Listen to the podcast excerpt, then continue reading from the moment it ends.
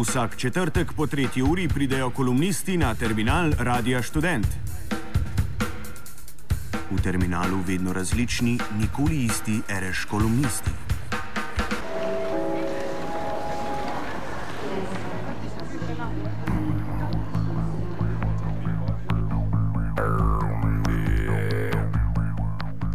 Spoštovani, opravičujem se, ampak daje me en tak tesnoben občutek, da sem o tem, kar se dogaja, že kdaj kaj rekel. Ne? En tak permanenten deja vu, eno tako slabo, večno vračanje enakega. Zakaj je tako, bo morda pokazal naslednji tekst, ki sem ga napisal pred kakimi petimi leti. Opravičujem se, če rečem tako, citiram samega sebe, ampak dejansko stvari se res vračajo v neke ustaljene tokove. Ne. Najbrž je sicer res bolje, da je na oblasti gospa Kerenski, kot da bi bil še vedno car Janez II. Ampak ona v Bruslju te dni ni govorila nič drugače, kot bi verjetno on. Ne. In sedaj še zlato fiskalno pravilo in uravnoteženje proračuna. Per, par let prej ali pozneje gotovo je neka razlika, vendar, kot rečeno, spet neko večno vračanje enakega. No in kaj pa to pomeni predvsem? Ne? Da ob hudi žalitvi ustaniške civilne družbe strani samega predsednika parlamenta in to iz socialne demokracije, ko je de facto izenačil torej, ustaniško civilno družbo z nacionalističnim bivšim zapornikom in huliganom in njegovo družščino, zakaj takrat ni bilo masovnih protestov pred parlamentom?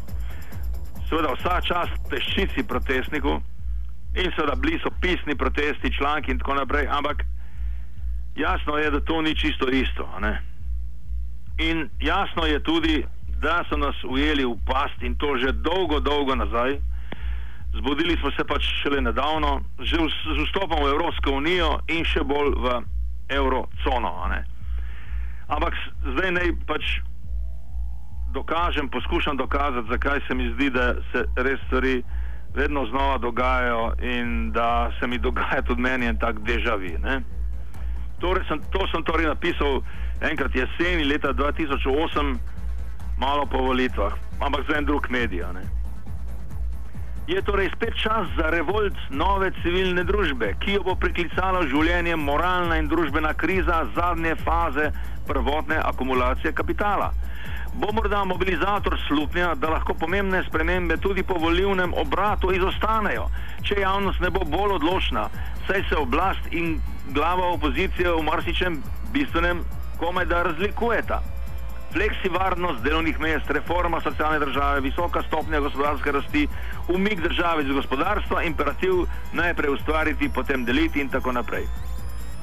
A to so seveda že, do, že zelo drugačni pogoji življenja od onega pred 20, kaj šele 40 leti. Ne, pred 20, ko je bil čas eh, one krize in revolucije konca 80-ih. Odkje se bo torej vzela bolj dejavna civilna družba in javnost, ki naj pripeljeta do moralne obnove družbe, kot pravijo? Kako to, da nam je šele sedaj brutalno jasno, kaj pomeni kapitalizem kot sistem, ne le velikanske socialne razlike, ampak tudi njihova uzakonitev in fiksiranje skozi naravno povezanost kapitala in oblasti kako da tega nismo videli in se uprli že v času dobrega človeka iz Brunarice v Brdu pri Kranju in iz Zaplane. Gre spet znova za dobro staro produkcijo ljudi, državljanov, občanov, članov civilne družbe in je seveda sedaj dosti drugačna kot tista spontana samoreprodukcija kritične civilne družbe v poznih 80-ih.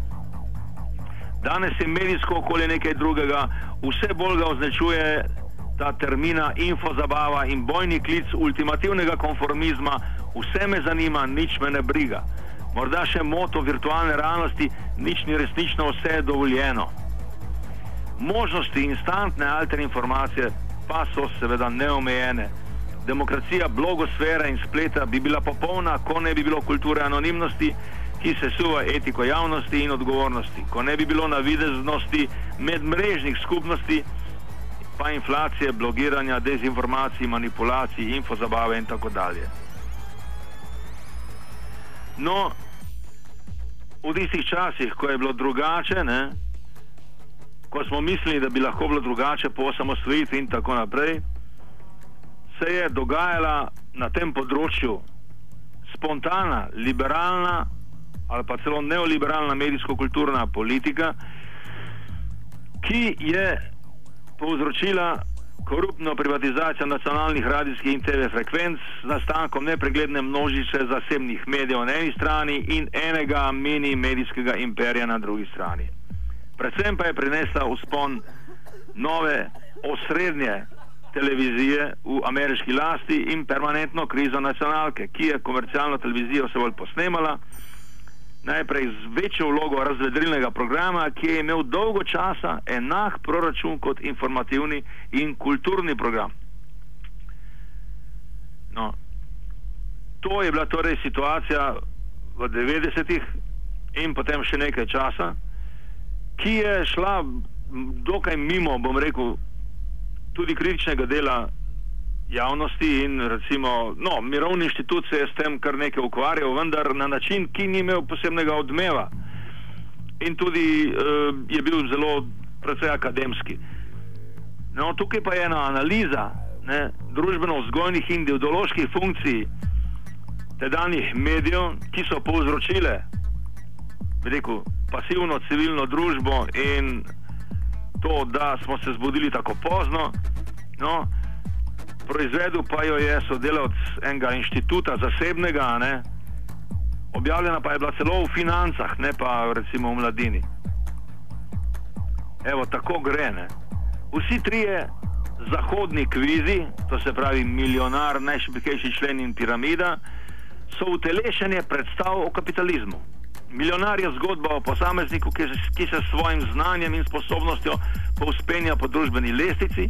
Najšipkejši člen ta prvi mit zanika, ko pravi, da znanje in sposobnost nista dovolj, da je kapitalizem boj za preživetje, kjer so zavezništva bežna, zmaga pa tisti, ki uniči svojega nasprotnika.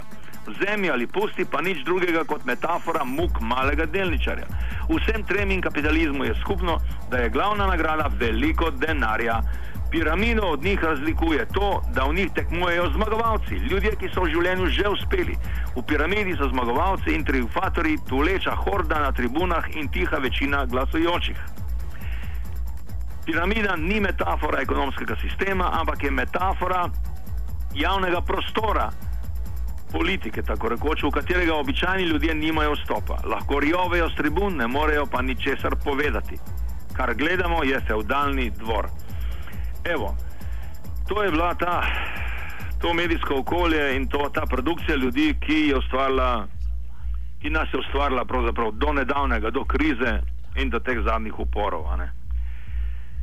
Zdaj so se stvari, kot sem na začetku slutil že tam leta pač 2008, vrnile v dobri meri na isto. Jasno, ostaja, je še vedno tu, nominalno. Kaj se bo pa naprej dogajalo, bomo pa videli in seveda najboljše želje in tako naprej. Vendar razmislek in o tem, kaj se nam je pač predtem dogajalo, odkot smo prišli in da bomo potem morda vedeli, kam gremo, pa še vedno velja. Lahko noč in srečno.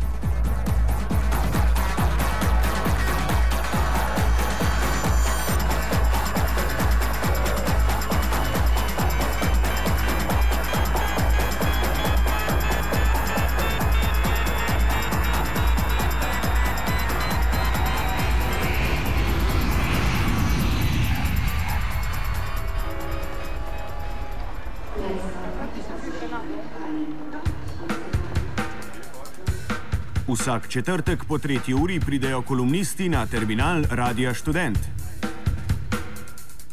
V terminalu vedno različni, nikoli isti, reš kolumnisti.